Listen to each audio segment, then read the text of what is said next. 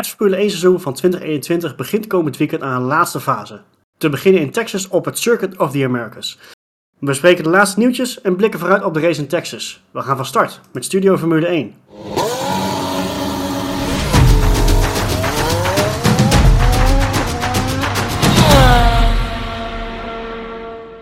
Mannen, welkom. Zoals inmiddels uh, traditie is, denk ik, kunnen wij geen uh, podcast-aflevering opnemen zonder het over de kalender te hebben. We gaan hem alleen dit keer niet over de kalender van dit jaar hebben, maar die van volgend jaar. Hij is eindelijk gepresenteerd. Er waren wel wat geruchten over een aantal races of ze er wel niet op zouden staan. Maar hij is uh, nu, ja, als het goed is, eigenlijk gewoon definitief.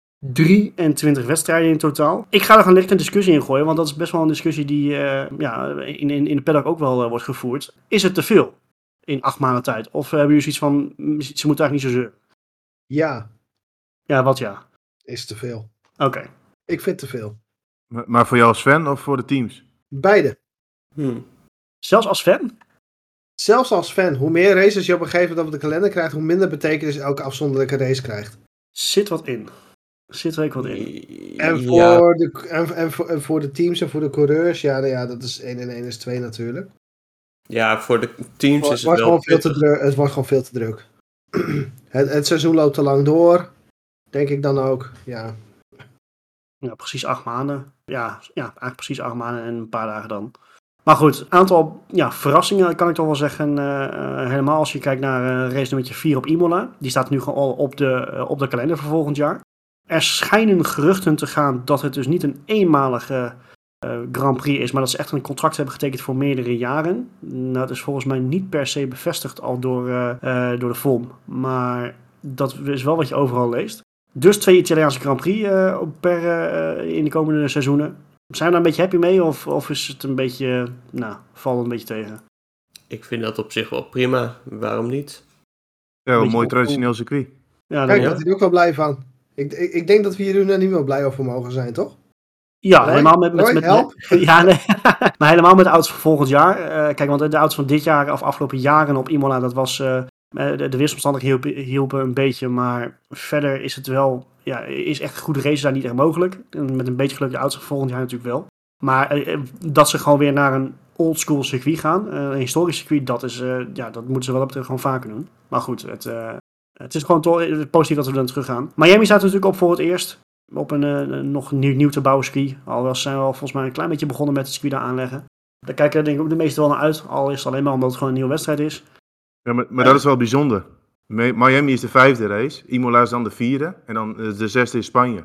Dus dan ga je eigenlijk even op en neer naar de VS en weer terug naar Europa. Ja, dus wie, er, wie er wil sparen, die is daar wel blij mee, denk ik. ja. Je gaat, je gaat van Italië ga je naar de VS en dan ga je weer terug naar uh, Spanje. Wel ja, maar hetzelfde is met Canada. Ja, klopt. Je, je zou eerder verwachten dat Canada VS dat, dat achter elkaar zou zijn. Maar het is eigenlijk constant is het van Europa even naar dat continent en dan weer terug. Ik vind ja, het niet heel erg logisch. Eigenlijk wel heel raar. Ja.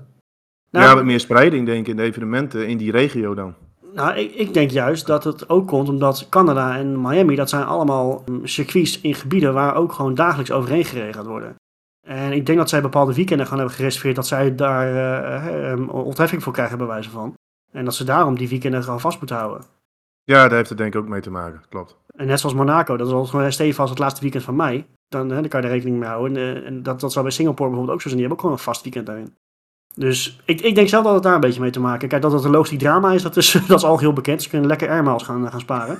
Maar, uh, ja, dat viel mij op aan de kalender, als ik er zo ja. naar keek. Ja, uh, Nederland toch alweer, uh, de kampioen van Zandvoort toch alweer uh, begin september in plaats van halverwege mei of begin mei, wat volgens mij in eerste instantie de, de, de originele datum was van vorig jaar. Dan zou het de aftrap van het Europese seizoen zijn. Nou goed, kijk, het, qua weer maakt het denk ik niet extreem veel uit tussen mei of september. Al hebben we dit jaar natuurlijk echt extreem veel geluk gehad, maar goed, dat is het anders. Nou, ik, denk, ja, ik denk juist wel dat het een verschil gaat maken. Ik denk dat de kans op regen in september groter is dan in mei. Dat denk ik hoor. Nee, jij bent Meteo ja. Marco, dus jij moet het weten. Ja, ik zou het moeten weten, maar ik weet het niet. ja, daar kan ik heel eerlijk over zijn. Ik heb geen idee. Dan moeten we de statistieken op, op loslaten. Ja. Zo is het. Nou, dat, eh, dat doen we voor een andere keer. Maar eh, ehm, ach, het is, het, over het algemeen, eh, kijk, eh, het is een goed gevulde kalender. Ik, ik, ik snap Marco zijn beredenering trouwens ook wel. Maar als je bijvoorbeeld kijkt naar, eh, dat is misschien een beetje raar vergelijken, maar NASCAR die heeft gewoon iets van 40 wedstrijden in een jaar. Die hebben echt elk weekend racen die wel. Ja, daar is, dat is niet bijzonder meer. Eh, dus in die zin, ja, ik kan er ook wel weer in komen. Australië Ja, ik- wel... Eh, ik wil er even een toevoeging op maken. Weet je wat een beetje het punt is bij... Als je dan een vers- als, eh, het verschil wil maken tussen bijvoorbeeld wat jij zegt een NASCAR en een Formule 1. Bij Formule 1 weet je na, vaak na 10, te- 12 weekenden al wel een beetje waar het seizoen naartoe gaat. Bij NASCAR ben je na, na driekwart van de kalender weet je het nog steeds niet. Nee, maar goed, dat heeft ook te maken met En die dat heeft ook te maken. Ja, nee, zeker. Dat heeft te maken met dat, dat de voertuigen allemaal aan elkaar gelijk zijn, of nagenoeg aan elkaar gelijk zijn. En de natuur van de Formule 1 die, die biedt dat niet. En wat ik dus denk is dat op een gegeven moment, hoe meer races je gaat hebben, hoe eerder het in percentage dan het kampioenschap dan beslist is. Dit seizoen is dan echt een grote uitzondering natuurlijk. Of lijkt erop dat het een grote uitzondering gaat worden. Maar Nou, ik, ik, Ja. ik snap wel wat je bedoelt. Kijk, als jij hè, bijvoorbeeld dit jaar vergelijkt met, nou, laten we zeggen 2016. En toen had Mercedes ook echt een op, oppermachtige auto. Nou, in zo'n seizoen seizoen als 2016, als je dan inderdaad 23 races hebt, dan kan je wel zoiets hebben van, oeh, dat is wel pittig. Want dan weet je dat wat jij zelf eigenlijk wist je het dan na de helft van de tijd al. Maar ja, je Ja. kan het pas uitroepen na 16 races, omdat het seizoen zo lang doorgaat. Dat is voor Ja. niemand leuk. Maar bij een seizoen als wat we dit jaar hebben, zou ik 23 races wel welkom eh, heten. Tuurlijk, is, is ook zo. Ja, maar daar heb je er heel weinig van. Het valt Ja. denk ik Ja. ook wel mee. En voor ons als fan is het ook niet zo vermoeiend. Hè? We zetten die tv even twee uurtjes aan. Dus eh, ja, zo erg is het ook Wat, niet. wat, hebben we toch een zwaar leven? Ja, daarom. Oh, Het is meer, man, man, man. meer voor het personeel denk ik dat het wel zwaar is. Ja, Voor Vooral, personeel eh, is denk ik echt niet te doen. Vooral als je natuurlijk echt heen en weer moet vliegen iedere keer. Kijk, dat is wel zwaar voor monteurs. Ja, en het- de grote teams kunnen natuurlijk met ploegen gaan werken. Dat wordt ook al een beetje gesuggereerd dat de Mercedes en Red Bull en Ferrari zo in ploegen gaan, gaan werken. Maar ja, en, en Williams en Haas kan dat natuurlijk niet doen. Die hebben daar gewoon simpelweg het budget niet voor. Dus dat Nee. een beetje oneerlijk. Ja, aan de andere, kijk, aan de andere kant, vroeger werd er ook veel meer getest. Hè? Dus dat, dat valt natuurlijk wel weg vergeleken met, eh, met nu. Nu heb je Ik heel weinig testen en meer racen. Dus ook eh, in dat opzicht, ik denk dat het allemaal ook wel weer meevalt op zich. Maar veel meer dan 23 moet je denk ik niet hebben. Tenminste, daar zit Nee, Nee, niet dat denk ik ook niet. Je je gaat die mensen zo erg uitrekken. Buiten? Ik- Eh, het scheelt niet veel, denk ik. Nee, maar goed, dat, dat vind ik nog wel een mooie vergelijking van Thomas. Ik, ik kwam heel toevallig een, een paar ja, weken geleden inmiddels kwam ik een, een interview met ja, Jos Verstappen tegen van echt weet ik veel hoe lang geleden. Eh, nou, na, na een Grand Prix op zondag. En er werd hem ook gezegd van, hé, wat, wat ga je nou doen? Ja, morgen gaan we naar Silverstone, gaan we daar weer drie dagen testen. Dan gaan we door naar dat circuit, gaan we daar weer testen. Dus wat dat betreft, eh, als je het vergelijkt dan met een 20, 30 jaar geleden. De races zijn misschien toegenomen, maar toen zaten die monteurs ook echt totaal niet stil. Dus wat dat betreft, ja, qua personeel, qua werkdruk, ik weet niet of het echt zoveel verschilt om heel eerlijk te zijn. Maar goed. Maar het is wel anders werken, hè? Een weekend testen of een weekend eh Ja, dat is het vooral. racen. Ik betwijfel dat, want tijdens testen ben je echt letterlijk de hele dag mee aan het rijden. En bij een Grand Prix niet. Nee, maar je let wel op andere dingen. Maar ja, lastig. En ja, het- ik, beide is natuurlijk eh, vermoeiend. Maar weet je, ik vind dat... Ja, ik denk dat dat überhaupt voor ons lastig is om in te schatten. Aangezien we daar Van niet tussen staan. Van buitenaf is altijd makkelijk praten. Ja, dat is ook wel zo. Maar goed. Het, eh, Ja, goed. eh, Kijk, het is gewoon het reizen. De Ferrari testen vroeger bijvoorbeeld op Fiorano. Ja, dan hoeft het personeel niet, zo- niet zoveel te reizen. Maar als jij even naar Miami op en neer moet, dat is wel een andere koek. Daar zit denk ik gewoon het verschil in. Ja. Ja. ja, eens. eens. Maar verder prima kalender, denk ik. Wel mooi gevarieerd. Dus eh, Ja, de meesten hadden alweer gehoopt, denk ik, op eh start in Australië, in Australië, in Melbourne. Eh daar promotor daar heeft gezegd dat, ze- dat het sowieso doorgaat. Ik moet het heel eerlijk gezegd nog zien. Maar goed, dat is nou een discussie voor een andere keer. Het is wel fijn dat ze er in ieder geval gewoon wel weer, wel weer op staan. Zeker Ja. weten. Afsluiting in Abu Dhabi, ja, daar zijn we denk ik geen van allen echt fan van, want dat hoort eigenlijk in Brazilië te zijn. Maar goed, dat is natuurlijk eh eh, handje contantje afgerekend dat ze de laatste race zullen, zullen, eh, zullen houden. Had je contentje, enorme koffers, denk ik. Ja, ik, dat zijn beste koffers Ja. inderdaad. Of hele grote handen. Ja, nee, verder eh, ja, niet echt heel veel verrassingen. Behalve echt, eh, als je het echt hebt over verrassingen is het inderdaad Imola. En verder... eh, Ja, die had ik echt niet verwacht. Nee, en dat had ja, ook niemand verwacht. Dat vind dat best wel interessant inderdaad. En eh, de enige die nou gewoon een beetje op, op losse schroeven staat, is eh, Spanje, Barcelona en Singapore schijnbaar ook nog wel een klein beetje. Dat zijn meer gewoon de contractuele zaken die er nog, nog spelen. Want Spanje was volgens mij echt maar verlengd voor één of twee jaar eh, voor, voor de afgelopen jaren. Want ze wilden er toen gewoon af, maar hoe dat gaat, eh, zich gaan ontwikkelen weet ik verder ook niet. Ehm wat mij betreft mag Barcelona er trouwens vanaf. Maar goed, dat is een persoonlijke mening. Die, eh, daar gebeurt over het algemeen vrij weinig. circuits genoeg in Spanje. Ja. Ja, ook dat, ja. Maar Ja, en, en iets anders blijft natuurlijk nog steeds eh, geen Duitse Grand Prix. Dat blijft natuurlijk ook wel een beetje, een beetje Ja. gek voor zo'n land. Dat blijft Ja. gewoon zonde. Dus, uh... ja. Het land met arguably even de beste circuits op de, die je kan hebben. Ga je nou weer je Hockenheim uh, rant doen? Of? Nee, nee, nee. ik, zal, ik zal me gedragen vandaag. Nee, maar zonder grappen, Duitsland heeft gewoon fantastische circuits. Ik bedoel, uh, de, de Hockenheim en Nürburgring zijn gewoon geweldige banen. Dus ja, waarom het dan niet is, ja, natuurlijk geld speelt natuurlijk gewoon een mega rol in. Maar ja, dat, uh, het, uh, het zij zo. Goed, die kalender is gepresenteerd en besloten tijdens de, uh, moet ik het wel goed zeggen, de WMSC, World Motorsport Counseling, als ik het goed zo heb onthouden. Klinkt heel spannend. Ja, klinkt heel spannend. Is het op zich ook wel. Maar uh, het andere wat daar besloten is, dat is misschien een beetje um, onder de radar gebleven, is het, het hele stukje bandenwarmers. We hebben natuurlijk nu bandenwarmers op de auto zitten die de banden uh, ongeveer laten koken voordat ze de baan op gaan. Zodat ze direct optimale grip hebben. En ja, er wordt al heel lang geroepen dat, dat men daarvan uh, vanaf moet. Daar schijnt een, ja, soort van beslissing ingenomen te zijn. Dat daar in ieder geval de komende jaren dat ze gaan ja, afbouwen, om maar zo te zeggen. Uh, wat ik had begrepen was het zelfs volgend jaar al dat ze bij de intermediates en de regenbanden eraf gaan. Wat ik zelf heel raar vond, want dat zijn toch juist de banden die een beetje op temperatuur wil hebben, lijkt mij. Maar dat, uh, het zij zo. Wat, wat, wat denken we daarvan? Denken we dat dat, dat een, een goede keuze is? Kijk, als je bijvoorbeeld naar een, een klasse kijkt die dat ook sinds kort heeft geïmplementeerd, is bijvoorbeeld de DTM. Die hebben natuurlijk ook geen bandenwarmers meer. En daar heb je echt een paar rondes nodig om up to speed te komen. En dat kan best wel wat, wat spektakel meegeven natuurlijk. Maar ik weet niet of jullie die, die mening delen. Ja, ik vind het ook wel interessant. Wat, ja? wat, je vaak nu ziet is natuurlijk die, die undercut. Dat je ronde eerder de pit in gaat dan je voorganger. En dan ja, weer voor hem de baan op komt. Of in ieder geval voor hem komt. Wat je dan krijgt is veel meer gevecht op de baan. Want als jij natuurlijk met, net, net gepit bent en je komt de baan op, heb je nog koude banden. Als diegene achter jou dan warme banden heeft, krijg je veel meer strijd. Dan wordt het iets, iets meer uitgevochten op de baan, denk ik. Ja, opzichte van, van de strijd in uh, de strategie bedoel je? Ja, ja, en ik denk dat het ook een extra uitdaging brengt bij de strategie. Je moet veel meer vooruitdenken van oké, als we dan pitten, dan moet je nog plus drie rondes rekenen voordat de band op temperatuur is. Het geeft wel een extra factor natuurlijk in je strategie, dus wat dat betreft. Ja. Zeker weten. Ja, ja de, de grote teams zijn een beetje tegen, omdat die zeggen van ja, het, het, het kan voor problemen zorgen en dergelijke. Maar ja, dan heb ik zoiets van oké, Misschien moet Pirelli dan wel zorgen dat je die banden iets sneller op temperatuur krijgt. En dan zou het gewoon heel goed mogelijk zijn, denk ik. Ja, maar het plan wat er nu ligt, is, is dat de bandenwarmers die mogen dan volgend jaar verwarmd worden tot 70 graden. 2023 tot 50 graden. En in 2024 zou ze dan normaal afgeschaft moeten worden.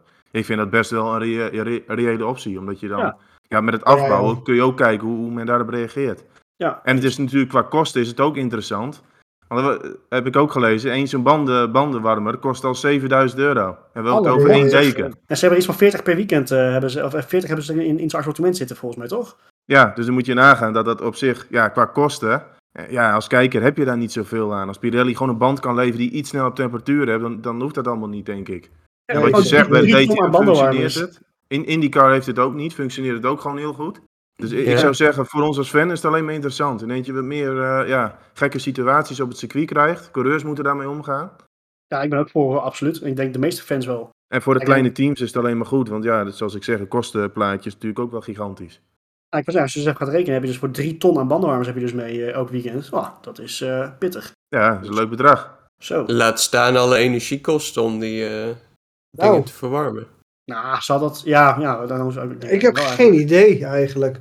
Maar het past wel weer in het hele mooie plaatje om alles weer groener te maken natuurlijk. Eens, eens. Hoeveel het betekent, dus ja. Ja, daarom. Weet je, het, het, hoort er gewoon bij. Het is eigenlijk, eigenlijk wat dat betreft alleen maar positief. Ik snap dat, dat de teams, eh, de topteams een beetje tegen zijn. Maar ja, dat, dat, ja die spelen natuurlijk altijd uh, in hun eigen straatje. Ah, dat is een heel ander spelletje wat ze spelen. Dat heeft daar totaal niet mee te maken. Dat durf ik echt te zeggen. Daarom. Dus uh, ja. Denk dat het puur uit eigen belang is en uh, dat ze bang zijn hun uh, positie te verliezen. Dus. Ja, daarom eens. Ja, het kan wat onvoorspelbare races zorgen, dus daar, ja, daar zijn ze nooit zo bij gebaat natuurlijk. Maar ik vind ook dat het afbouwen kun je tijdens het proces van het afbouwen kun je al zien hoe dat gaat. Wat ik zei, van 70 naar 50 graden kun je weer kijken hoe dat, wat voor effect dat gaat hebben. En dan pas in 2024 compleet afschaffen vind ik helemaal niet zo'n raar plan nou ja, als je af en toe al hoort hoe gevoelig die auto's zijn voor temperatuur, van, van 90 naar 70, dat zal al een mega verschil voor je moeten maken, denk ik. Ja, ja, daarom. Maar dan is het denk ik een beetje de taak uh, aan Pirelli van zorg dan dat je een band hebt die een wat groter temperatuurwindow heeft, waarin die grip genereert. En dan denk ik dat je echt grote problemen wel voorkomt. Ja, ja. Maar daar hebben zij dan ook de tijd voor, neem ik aan. Dus ja, dan is het een beetje de zaak voor Pirelli ook om goed uh, hun huiswerk te doen. Ah, daarom. En dat, eh, ja, ik, wil, ik wil gaan zeggen, want dat komt wel goed. Maar goed, Pirelli heeft wel vaker uh, verzaakt in, in fatsoenlijk materiaal leveren. Maar goed, dat is, uh, dat is weer een andere discussie. Om toch nog een beetje in het groene gedeelte te blijven. We noemden het al, hè, het, het, het, een stukje ja, milieubesparing, om het zo te noemen. Er is nog wat, een, wat anders naar buiten gekomen over dat, dat de F1 overgaat of wil gaan op, op ja, biobrandstof. Ik hou mij bij deze even op de achtergrond. Ik heb er echt, uh, echt de ballen verstand van. Maar Chris, jij hebt daar wel een klein beetje verdiept, uh, begreep ik. Kan jij ons en de luisteraars in begrijpelijke taal uitleggen wat het met je inhoudt? Ja, ja dat, uh, dat kan ik wel. Ik ben hier inderdaad even ingedoken. En ik was eigenlijk een beetje teleurgesteld in het gebrek aan details in, het, in de artikelen van de Formule 1. Maar Formule 1 wil in 2025 zogenaamde drop-in fuel gebruiken, wat kunstmatig is en wordt gemaakt van bioafval. En ja, het resultaat daarvan is dat er minder uitstoot wordt uh, ja, gecreëerd en dat het efficiënter is, maar wel evenveel uh, vermogen oplevert. En dit alles willen ze doen in 2025. En daarnaast willen ze al volgend jaar, dus volgend seizoen 2022, dat alle auto's rijden op E10. Dus ook wat uh, jij en ik uh, in onze auto uh, kunnen mikken bij de pompstation. En dit alles zou een uitstootreductie van 65% moeten opleveren. Dat is wel pittig. E10. Dat is, rijden ze wel duur. Althans, ik, nou ja, het zal wel niet natuurlijk. Ze zijn wel veel duurder brandstof rijden. Die, die, die pakken echt niet dezelfde klas als... nog, nog steeds heel duur. ja, waar ze nu mee rijden is zeg maar uh, euro 100, vermoed ik. Daar zit überhaupt geen uh, ethanol en dat soort dingen bij in. Oh ja. Dus, maar het voordeel zeg maar, van deze brandstof is dat het in principe in elke, elke auto zou, uh, zou erop moeten kunnen rijden. Dat is wel gaaf. En dus... nou ja, daardoor willen ze ook zeg maar, de link tussen F1 en de gewone auto wat dichter bij elkaar brengen. Ik wou zeggen, dus de relevantie de afgelopen jaren behoorlijk, uh, behoorlijk afgenomen heeft. Ja. Maar het is natuurlijk ook dat stukje ja, verduurzaming. Vooral de merken Ferrari, Porsche, dat soort van sportwagens, die willen natuurlijk uh, liever niet naar elektrisch helemaal overstappen. Als je dan toch een brandstof kunt creëren die minder uitstoot genereert. Ja, ja en er zit ook nog wel meer achter, want een aantal maanden geleden is ook naar buiten gekomen dat Porsche hier ook al mee bezig is. Is met een installatie bezig in uh, Chili. En die willen vanaf uh, eh, 2022 de synthetische brandstof maken voor auto's. En als ik het goed begrepen heb, is dit waarschijnlijk dezelfde soort brandstof als waar de Formule 1 op uh, wil gaan rijden. Porsche en Volkswagen riepen een tijd geleden, geloof ik sowieso al, dat ze pas de Formule 1 wilden instappen op het moment dat Formule 1 wagens weer dichter bij de normale auto zouden komen. Of in elk geval in ontwikkeling. Zo, zoiets had ik wel begrepen. Dus het valt wel perfect in lijn juist voor, voor nou ja, wat, welke verwachtingen uh, Porsche bijvoorbeeld heeft. Ja, ja, en dat sluit ook aan op wat we een paar weken geleden verteld hadden. Luisteren ze dan toch dat, ons? Nou ja, dat, dat uh, Porsche en Volkswagen uh, in gesprek waren met Formule 1 inderdaad. Dus ik denk dat dit daar ook een onderdeel van is. Gewoon een lange termijn strategie om, bij, uh, om in 2030 in ieder geval 100% sustainable te zijn. Gaaf. Vette ontwikkelingen. Goed, als het alleen al zorgt dat, dat de Formule 1 gewoon ja, stabiel blijft in de komende jaren, dan, dan is het al een win-win situatie natuurlijk. Uiteraard. Maar wel een, een interessante kwestie. Dankjewel, Chris. Ik vind het best wel een interessante... Ja, ik ben er zelf niet zo in thuis. Ja, zoals uh, de meesten, denk ik. Uh, en juist daarom is denk ik ook wel belangrijk dat het een beetje nou, hè, zo ja, wordt gepromoot. En hoe meer ja, overeenkomsten je krijgt met, met de straatauto's, hoe beter het is voor de sport en voor de straatauto's in dat geval. Maar ja. Hebben we enig idee wat, wat de grote, tussen aanhalingstekens, de grote teams hiervan vinden? Hm. Ik denk eigenlijk dat zolang de de verbrandingsmotoren of hetzelfde vermogen of meer of efficiënter draaien, dat ze dat prima vinden. Want zij hoeven hun motorblok niet aan te passen op de brandstof. Dat scheelt een hoop. Oh ja. Nee, maar goed, aan de andere kant, er zit wel bij de topteams wel echt mega veel ja, tijd en investeringen in alles erop en eraan in de brandstof zelf. Ik bedoel, uh, de, uh, Ferrari en, en, Mercedes, en vooral Mercedes, die is er best wel open in. Hoe zij met, uh, dat met, met Petronas doen. Daar komen we zo eventjes verder op terug trouwens. Die hebben gewoon heel lab hebben ze, op zich bij zich om, om het optimale uit die brandstof te halen. En, en om die brandstof compleet te onderzoeken. Dus het, het gaat wel heel erg ver natuurlijk in die zin. En ik ben wel net, zoals al, net zoals al het andere natuurlijk. Ja, uiteraard. Maar ik ben wel niet heel benieuwd wat voor effect dat gaat hebben dan. Ja. Op dat soort dingen. Ik denk dat we dan vooral krijgen dat het een uh, zogenaamde level playing field wordt daarin. Dat iedereen dezelfde brandstof gebruikt. Zou daar zoveel verschil in, in gemaakt worden? Ik in denk dat dat ook wel meevalt. Maar elk Formule 1 team heeft ook zijn eigen olieleverancier. En daar werken ze ook allemaal mee samen. Dus. Maar ja, ik denk dat dat op zich qua brandstof nog wel een van de dingen zijn waar ze het vrij vlot met elkaar eens kunnen zijn om die overstap te kunnen maken. Ja, oké. Hm, interessant. Zeker, zeker interessant. Um, ik noem net eventjes gekscherend uh, Petronas, om, om daar eventjes een klein beetje op aan te haken. Uh, dat gerucht kwam vandaag eigenlijk een beetje naar, of ah, gisteren, zaterdag uh, de 16e kwam het een beetje naar boven. Hele sterke geruchten dat Petronas afscheid gaat nemen van Mercedes na dit jaar. En dat hun plek wordt ingenomen door Aramco. Aramco hebben al regelmatig langs de verschillende circuits zien hangen op de, op de sponsorborden. Maar dan ga ik me wel weer afvragen wat dat dan weer voor invloed gaat hebben. Want die hebben best wel een hele nauwe samenwerking uh, momenteel. En daarnaast, dat is misschien een heel andere discussie, maar Aramco staat ook alweer bekend om andere dingen, om maar even netjes te houden. Ik ben benieuwd wat iemand als Lewis Hamilton daarvan gaat vinden. Maar goed, die, die zal zijn geld wel krijgen. Maar dat, uh, het, zou, uh, het zou best wel een interessante zet zijn, denk ik.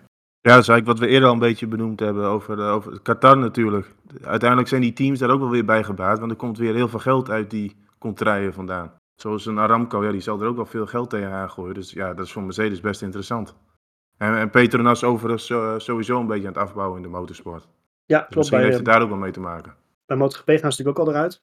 Ja, dus het lijkt er daarop dat ze dat sowieso een beetje op een lage pitje zetten. Ja, en dan een Aramco is, vind ik niet onverwacht. Met, met de kalender die we natuurlijk ook hebben. Ja, en je zei sowieso, al die, alles uit die landen is uh, bezig zichzelf zoveel mogelijk uh, op de kaart te zetten. Ja, oké. Okay. Maar goed, weet je, verder, het, het, is nu nog steeds een. Het zal vooral heel veel invloed hebben op hun, uh, ja, op, hun livery eigenlijk. Dat, uh, ze, ja, ze zijn echt prominent aanwezig op de wagens.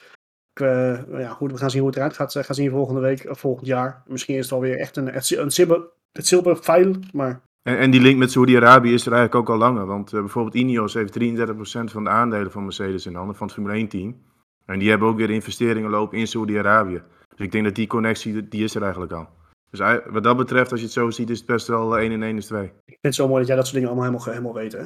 Ja, ja ik, kwam, ik kwam dat toevallig een keer tegen van Indios dat ze al bezig zijn in Saudi-Arabië. Dus als je dan zo Aramco hoort, ja, dat, dat, dat ja, gewoon een Het is niet heel verrassend als je het zo stelt. Nee, dus ja. Nee, maar die zijn zich, volgens mij willen, wil Aramco zich ook in de MotoGP manifesteren ergens.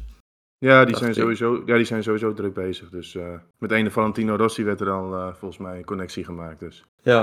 Ik denk dat het een beetje wachten is op een officiële uh, ja, verklaring. Statement, verklaring, ja, Statement, precies. Oké, oké. Okay. Nou goed, wat ik zeg, het is nu nog eens een gerucht, maar uh, we moeten even, even aankijken hoe dat, gaat, hoe dat gaat lopen. Of die bevestiging inderdaad gaat komen nog dit seizoen nog niet. Uh, toen ook een beetje onder de radar blijven dat ze gewoon volgend jaar een nieuwe, nieuwe livery hebben. En dat het in één keer, hé, hey, het staat er uh, geen Petronas op. Maar goed. Ah, dat die volgend jaar zilver zou zijn, dat was ook min of meer al wel duidelijk, geloof ik, toch? Uh, wel jammer. Ik hou wel van dat zwarte. Ja, ik, ik vind dat zwarte vind ik echt fantastisch. Het is een beetje zo'n, zo'n het klinkt misschien stom, maar het is een beetje zo'n eindbazenlook. En dat zijn ze toch de afgelopen zeven jaar wel geweest. Ja, ja daarom gaan ze volgend jaar weer in zilver. Want dit jaar wordt Verstappen kampioen. Dus uh, zijn ze geen ah, eindbaas meer. De met de Red Bull. Oh, count me in. Ja, maar dan zijn ze geen eindbazen meer. Dus moeten ze het livery weer aanpassen. Ja, dat is waar. Oh, heerlijk. Nou goed, we gaan het zien. Max zal eerst komend weekend daarin weer een slag in moeten, in moeten slaan. We gaan naar Texas. De Circuit of the Americas. Ja, wat, wat moeten we ervan verwachten? Want het idee is wel dat, dat men daar ook weer extreem aan elkaar gewaagd zal zijn. Het is geen Mercedes-baantje, dan wel een Red Bull-baantje. En voor beide auto's heb je wel wat stukken op het circuit waar ze sterk zullen, zullen zijn. Wat verwachten we in het algeheel uh, ervan? Gewoon weer spannende strijd, denk ik? Denk ja, ik wel. Ja, en een beetje afwachten wat Mercedes inderdaad op die rechte stukken komen. Dat, dat zie je de laatste race natuurlijk mm. terug. Dat ze op die rechte stukken wel heel erg snel zijn. En dan voornamelijk in kwalificatie ook. Ja, maar dan zou Red Bull toch uh, de keuze moeten maken van gaan met minder vleugel rijden. Ja, dat gaat weer ten koste van de bandenslijtage. Ja, of gaan ze toch weer dan op de rechte stukken wat, wat verliezen. Ik denk wel dat Red Bull hier dichterbij zit dan in Turkije. Je hebt hier wel een paar, paar bochten waar je heel kort moet afdraaien. Daar is de Red Bull wel vaak goed in. Echt van die 90 graden hoekjes. Maar goed, er zit ook wel lang rechtstukken in en wat snelle bochten. Dus ja, wat dat betreft uh, zit het denk ik wel iets dicht dichter bij elkaar. Als het net zo'n weekend is als, de, als in Turkije, dan uh, begin ik me wel zorgen te maken overigens. Ja, dat zeggen dus meerdere inderdaad. Van een, uh, hij heeft nu een beetje de, de, de voorhand, maar... Ja, en dan zorgen over Red Bull bedoel je? Ja, want dan zou het wel hm. betekenen dat, dat Mercedes ook weer op zo'n circuit ook weer echt zware overhand heeft. Ja, goed, dan krijg je daar natuurlijk Mexico, Brazilië, daar geloof ik wel voor Red Bull. Maar daarnaast staan natuurlijk ook nog een aantal Grand Prix in het Midden-Oosten nog op de kalender. Ja. ja, maar ik denk dat, zeg maar, buiten uh, Mercedes en Red Bull, ik denk dat teams zoals Alfa Tauri en Ferrari hier ook nog wel aardig zullen doen. Ja, maar goed, Red Bull natuurlijk het zusterteam sowieso achter zich kunnen houden. Maar ja, het is een beetje meer van in Turkije werd het vooral gegooid op de setup, dat die niet helemaal optimaal was, dat ze wat onderstuur hadden. Ja, dan moet je er in Austin natuurlijk wel wat een iets andere layout heeft, mag je er wel iets dichterbij zitten. Als dat niet het geval is, dan heb je denk ik wel een probleempje. Dus dat wordt wel interessant. En ik denk dat je met de onderstuur in de eerste sector uh, ook niet jarig bent. Nee, nee, daarom. Dus dat, ja, en, en het is heel hoppelig samen met de MotoGP. Dus qua vering wordt dat misschien ook nog wel een dingetje. Hoe je dat gaat afstellen en dergelijke. Volgens mij is de veringafstelling voor mij het belangrijkste de komende weekend. Ja, daarom. Dus, dus die basis-setup, dat hebben we natuurlijk in Turkije met Red Bull gezien. Dat is, moet je ook wel weer voor elkaar hebben dan. Dat wordt ook wel interessant met die hobbels. Dan moet je je auto toch wel kunnen afstellen dat je daar goed overheen komt. Ja, ja ik denk dat ze hier wel meer data van hebben dan uh, van Turkije. Dus moet, dat uh... sowieso. Toch vraag ik me wel af. Uh, nee, laat ik het anders zeggen. Ik weet dat men wel ook nu nog bezig is om een aantal van die oneffenheden wel eruit te halen. Um, op, op, ja, voor zover dat kan op korte termijn, zonder de hele boel opnieuw te asfalteren natuurlijk. Maar ja, het is natuurlijk de vraag in hoeverre dat, dat, dat effect gaat hebben. Want volgens mij, Formule 1 zijn er wel in die zin iets minder gevoelig voor dan uh, de MotoGP-motoren. En dat, ja, dat is volgens mij wel algemeen uh, bekend. Ja, absoluut. Dus dat maakt ook wel een verschil in. Dus eerst maar even afwachten hoe dat met de Formule 1-auto precies eruit ziet natuurlijk. Ja, dat ook. Ja. Maar ik denk, ja, wat ik zei, wel een heel interessant weekend om de titelstrijd dit. Ja, wat is echt een heel belangrijk dingetje. Echt, echt, echt een, een ja, make-or-break weekend, zou je bijna zeggen. Ja, een beetje wel. Meer, meer het idee van, oké, okay, uh, Turkije dat kan. Dat niet helemaal qua snelheid niet helemaal voor elkaar was. Maar als dat hier weer gebeurt, dan heb je denk ik wel echt een probleempje als Red Bull zijnde. Hmm. Dus, kijk, verliezen kan, maar niet meer dat je uh, gewoon op, op een halve seconde per ronde gereden wordt. Dat zou ik niet meer uh, lijkt dan, haast, lijkt dan haast toch alsof we eigenlijk voorwaardig dachten dat Red Bull er eigenlijk haast al was, hè? Ja, beetje, alsof we, een beetje alsof we nu uh, zoveel races in eerst dachten dat Red Bull de, de overhand had. En nu daar toch op terug moeten komen, omdat het dan lijkt dat, het, dat de verhoudingen toch weer compleet anders liggen. Ja, dan kan je ook zien hoe snel het dus kan gaan. En dat het ook af en toe wel circuitafhankelijk ja, is. Hij ziet gewoon vanaf Silverstone zie je gewoon dat Mercedes op de rechte stukken veel harder loopt. En om Red, Red Bull moet dan om te compenseren, rijden ze vaak iets minder vleugel. Maar dat gaat weer ten koste van je downforce en van je bandenslijtage. Dus dat is een beetje het spel waar zij in zitten. Van wat, wat moeten we dan opofferen? En ik denk ook nog steeds dat daar die motorenproblemen van Mercedes mee te maken hebben. Dat ze gewoon agressievere mapping gekozen hebben. Om qua snelheid misschien de overhand te krijgen. dat, ze, dat ze wel iets meer problemen hebben nu. Ja, maar ja, het wordt wel interessant, want het, je weet niet wat het weer doet. Nou, daar hebben we Marco voor, dus... Meteo Marco. Dus uh, die, die gaat dat vertellen. Ja, je kan je zwembroek wel meenemen deze keer. Dat is, Zonnebrand uh, ook? Zonnebrand ook, denk ik. Uh, en geen winterjas. Die kan je thuis laten. 30 ja, graden. We vertellen, niet wat, we vertellen, niet wat, we gaan doen, maar neem wel je zwembroek mee. Uh, ja. Krijg ik een soepzak, of, uh, snoepzakje na? Ja. Nee, nou, Amerika kennen er, ga, staat, staat er gewoon een Happy Meal voor je klaar. Dikke oh, steek. Ja. Met, een, met een Budweiser. Met een Budweiser. Oh, man. ja, op de, uh, in de achterbak op parkeerplaats zeker. Nou, gewoon, gewoon in de achterkant van je truck. Ja, ja, ja. Dat bedoel ik. maar het kan wel een interessante race ook worden qua strategie en dergelijke. Ja, nou, dat denk ik inderdaad ook wel. Want... Door de warmte Mercedes er bekend om staat dat ze het slecht doen dan. En ik ben benieuwd in hoeverre hun uh, nieuwe cool trucje hun daarbij gaat helpen. En als dat nu in de VS zo is, dan zal dat waarschijnlijk in Mexico ook zo zijn. Ja, maar Mexico ligt dan weer meer op hoogte. Daar hebben ze vooral problemen mee. Ik denk, denk dat de hitte, dat dat tegenwoordig bij Mercedes iets minder groot probleem is. Het is meer de combinatie hoogte en uh, warmte. En de hoogte valt wel mee in Austin, dus. denk niet dat ze direct zulke grote problemen hebben. Maar, maar qua bandenslijtage wordt natuurlijk wel interessant. Want daar is de Austin ook wel bekend, omdat het behoorlijk banden vreet. Dus dan krijg je strategisch gezien ook wel een interessante race. Ik hoop dat we in ieder geval gewoon twee stops krijgen. Zondag. Dat, is- dat is. eh, Oh, dat, zou wel, dat zou wel chill zijn, ja. Oh, vind ik nog steeds wel jammer. Austin is op zich, vind ik persoonlijk niet zo'n heel verkeerd circuit. Maar als je gewoon ziet wat er eh, verder nog in de VS ligt, ja, dat eh, vind ik gewoon veel mooier. Ja, dat heb ik ook wel eens vaker gezegd. Ja, je, je- ja, je gaat mij geen positief woord horen, horen roepen over Austin. Dat, dat, Amerika heeft zoveel betere circuits. Ik, ik vind het echt een smakeloos verhaal. Maar goed, dat, dat even daar gelaten. Maar Volgens je hebben we wel dat vaak benoemd. eh. Ja, ja, ik wou het zeggen. Ik, dat, dat, dat vaak, vaak genoeg benoemd. ik ben er wel fan van. Dus lekker puh. Ja, dat is jouw probleem. Ik, ik, snap, ik snap jou inderdaad wel. Ja, kijk, dat is, dat is niet iets voor nu om over te discussiëren. Maar eh, de VS heeft gewoon hele, een- heel veel hele mooie circuits. eh, waar je heel veel op zou kunnen doen. Zelfs Indianapolis ligt natuurlijk tegenwoordig best wel mooi bij. Daar is nu ook eh eh, acht uur van Indianapolis is daar bezig. Het is gewoon kan je mooi racen. Maar goed, weet je, dat eh, eh, is voor een andere keer. Goed, we gaan toch weer schaamteloos voorspellen. Ik ben heel benieuwd van hoe jullie erover, eh, erover denken. eh, wat de komende weekend eh, gaat gebeuren. Wie wil hem aftrappen? Wie heeft een, eh, wie heeft een bijzondere? Of we gaan met niet, niet zo interessant beginnen, vind ik ook goed. Dan wil ik hem al aftrappen, want ik heb een hele standaard. Ja, trap jij hem lekker af dan? Hoppa. Kom op met je standaard voorspelling. Ik ga oldschool van handbot ver. Oh, oh die, die, die hebben we dit jaar nog niet eens gezien, of wel? Hij heeft volgens mij helemaal nog niet in de Dus eh, daarom, het wordt gewoon eens een keertje tijd voor een hele saaie handbot ver. Gewoon Hamilton bot. maar is hij dan wel zo saai als het eigenlijk nooit meer gebeurt? Ja, goede vraag. Dat weet ik eigenlijk niet. Ik vind het een verrassing voor jou. ja, maar ik, Voor het eerst dit seizoen. maar ik verwacht op een of andere manier dat Wat dat... gaat er gebeuren dit seizoen? Dat is vraag 2. Ja, ik verwacht op een of andere manier verwacht ik een, een ontzettend sterk Mercedes. Dus dat is een beetje waar ik ook bang voor ben. Maar goed, dat, eh, ja, dat, dat zit er gewoon in. En als vreemde eend in de buiten doen we dan deze keer iemand die, die eh, ja, toch het dichtst erbij woont eh, bij het circuit, denk ik. Alhoewel, hij kan dan concurreren met nog iemand. Maar nee, wacht even. Paul Stroll.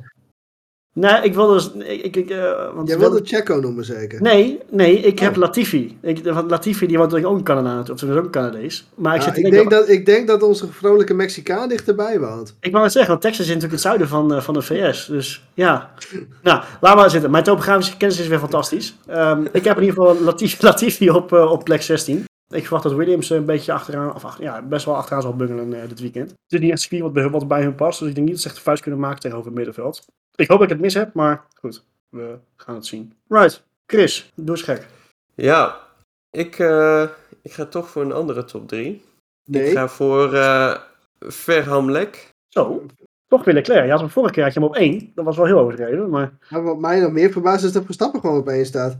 Ja, ik denk dat, Stiekem. ik denk dat het moet kunnen. Verklaart u nader? Nou ja, waarschijnlijk. Ik denk dat Max hier wel vlot kan zijn, voornamelijk in de eerste sector. En ja, de, de rechte stukken worden interessant. Maar ik geef hem eh, ja, het voordeel van de twijfel. En Leclerc, ik denk dat Ferrari stiekem nog wel oké eh, zal doen. Ik denk wederom ook in de eerste sector, maar op de rechte stukken zijn ze natuurlijk wat trager. Ik denk dat het, zoals ik al zei, eh, voor Ferrari en eh, McLaren een stuiftje wisselen gaat worden. Ja, ik denk het dus niet. Ik denk dat, ik denk dat Ferrari juist- juist niet goed uit de ver komt hier zo. Dat de layout gewoon niet past bij een auto die ze nu hebben. Maar dat is een beetje, ook een beetje onderbuikgevoel. Ik, Maar... ik deel dat wel hoor. Ja, band, bandenslijtage kan een, dingetje zijn voor ze. Ja, Voor, voor wie? Voor Ferrari is niet eh, het sterkste punt. Maar ja. Nee, eh, oké. Ja, nee, dat dacht ik dus ook. Kijk, qua snelheid zijn ze met die nieuwe motor wel dichterbij gekomen. Dus zo gek vind ik het niet. We gaan, we gaan het afwachten. ja, ja, je moet het een beetje interessant houden. Precies. En Latifi? eh, eh, een P17. Dus ook heel veel, of eh, weinig tot geen uitvallers. Of is hij gewoon laatste? Want er Ik komen denk- sowieso twee haas achteraan eigenlijk.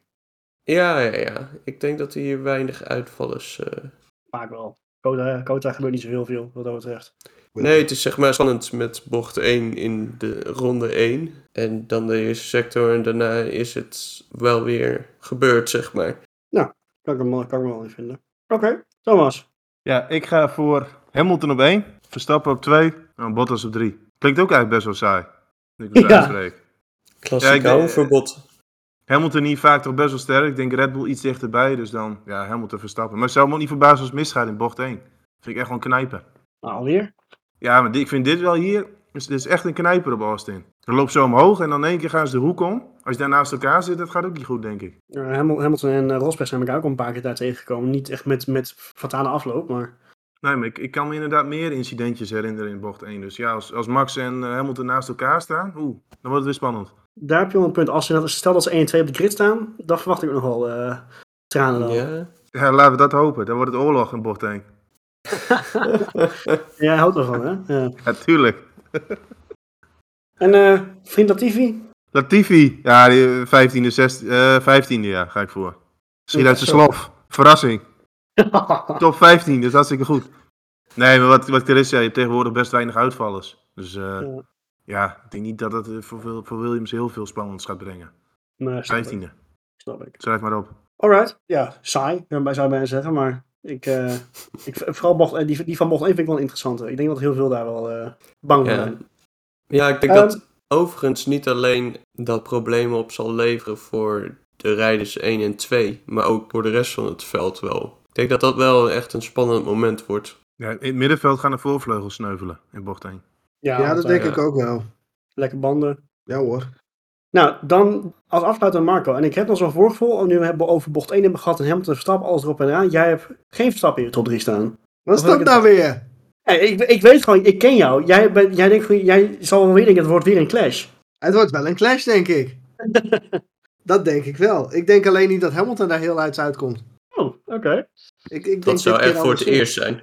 Ja. ja, maar dat drie keer is scheepstecht of zo. Nou ja, nee, nee, nee, nee, dat is niet helemaal waar. In, in Monza, Verstappen came out on top, toch? Mm -hmm. ah, ah, ah.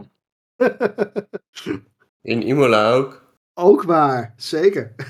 Mijn top 3. Bottas gaat hem weer winnen. Nu, nu de druk bij, van de ketel bij Bottas is, gaat hij vlammen de rest van het seizoen. Dat is mijn verwachting en dat is ook wel een beetje wat, wat je eigenlijk al wel een beetje aan het terugzien bent, denk ik nu. Uh, Bottas gaat hem winnen, Verstappen wordt twee, derde wordt Norris. Hamilton valt uit. Oeh. En dat kan om twee redenen zijn. Ze hebben natuurlijk de ICE hebben ze van Hamilton hebben ze vervangen, maar de rest van de onderdelen niet. Ik vraag me af of dat een hele goede zet is. Ja, ik ook. En anders, als het, als het op aankomt op een clash, denk ik dat Verstappen dit keer uh, de overhand heeft. Vriend Latifi P18. Humor. Geen uitvallers, wederom niet. En laatste van uh, op de haas na. Ja, maar dat is geen Formule 1 auto. Dat is de laatste inderdaad. Nee, dat is laatste. Sorry, dat zijn tractors. Je hebt gelijk. Ja, tra tractorpooling is meer iets voor haas. Lullig. Wat wel heel erg jammer is voor haas, want het is een thuiscircuit. Nou, ik zal je zeggen, ik kwam oh. vandaag dus uh, een, een, een, nieuw artikel tegen op, op motorsport.com. Daar heeft Haas dus gezegd van, wij zijn na het weekend in Turkije, wij zijn nu klaar om punten te scoren. Nou, dan, uh, dan durft hij wel. Want ze één keer Q2 hebben gehaald. Nou, poepoe. Wat een grote bek hebben zeg. Ja, ja, maar is, de, is de rest van het veld er ook klaar voor om Haas punten cadeau te geven? Dat is de vraag. Als het team uit de heen. Ja, ga, ga, jij je top uh, 10 nog herzien of, uh, of top 3 nog herzien dan, uh, Roy? Ja, Maaspin wint hem Schumacher 2 en uh, Latifi 3. Nee, nou, ik, ik, ik, ben heel blij dat ze er bij Haas er klaar voor zijn. Ja, nu, de rest nog. Nu de rest nog. Nou, we gaan het zien. Ik ben benieuwd. Ik, Ja. denk, eh, ik, ik denk niks meer. Nee. Verder nog eh, gekke verwachtingen. Ik denk dat we gewoon moeten, moeten gaan aankijken. Het is wel lekker dat we weer een eh, wedstrijd hebben dat je met bord op schoot kan zitten. Nee, dat zit nog later zelfs dan uh, bord op schoot eh, tijd, of niet? Volgens mij Eh, is het nog later dan bord op schoon. Oh, Ja, nou, vind- voor jou wel, Marco. Jij eet altijd laat, toch? Ja, dat is Ja, wel- dat, dat is wel waar, maar toch. Voor jou is de bot op schootwedstrijd. Man, man, man, man, man. kwalificatie voor een 11 uur s'avonds, joh. Ja, Hij is echt heel laat. Ja, moet je wakker blijven, Roy. Wat cafeïne erin? Ah, paar, paar biertjes, dan eh, Ja. komt het ook wel goed. Het is een beetje jammer, ik moet maandagochtend wel gewoon weer werken. Dus dan, eh, daarover trouwens wel eventjes, was dus een kleine mededeling voor de, voor de luisteraars. Eh, meestal nemen wij hem natuurlijk op, zaterdag, op zondagochtend, zo hallo, ook niet eens. Op zondagavond nemen wij de podcast op. Een hele voorspellende gaaf hebben wij. Nee, ehm, we houden- nemen hem altijd op zondagavond. Maar als jullie het niet heel erg vinden, gaan wij niet om 12 uur s'avonds nog eens een keertje alles gaan, gaan doen en voorbereiden en opnemen. Eh, dus die komt een dag later online ook. Dus hou daar wel eventjes rekening mee. Word niet boos op ons. Geen hooivorken, alles erop en eraan. We, we komen wel, maar een dagje later. Duurt even, heb je ook wat, hè? Ja, dat is- zit ook wel wat in. Een beetje, beetje hypen, een beetje... eh, ja, Ja, precies, precies, precies. goed. Volgens mij kunnen we hem gaan afronden, eh, mannen. Of zijn er nog weer eh nabranders? Nee. Niet allemaal tegelijk. Thomas, heb jij geen nabrander voor de verandering? Helemaal niks. Ik ga morgen wat biofuel tanken, denk ik. Nou, dat is het verhaal van Chris. Verder heb ik geen nabrander meer. Kijk, er alleen Ja, ja, anders. Ja. Goed, gaan we afronden. Mannen, dankjewel wederom. Mooie, mooie uitzending gemaakt. Luisteraars, bedankt voor het luisteren. Blijf ons volgen op Twitter op Studio Formule 1. En we zien jullie en horen jullie graag volgende week weer.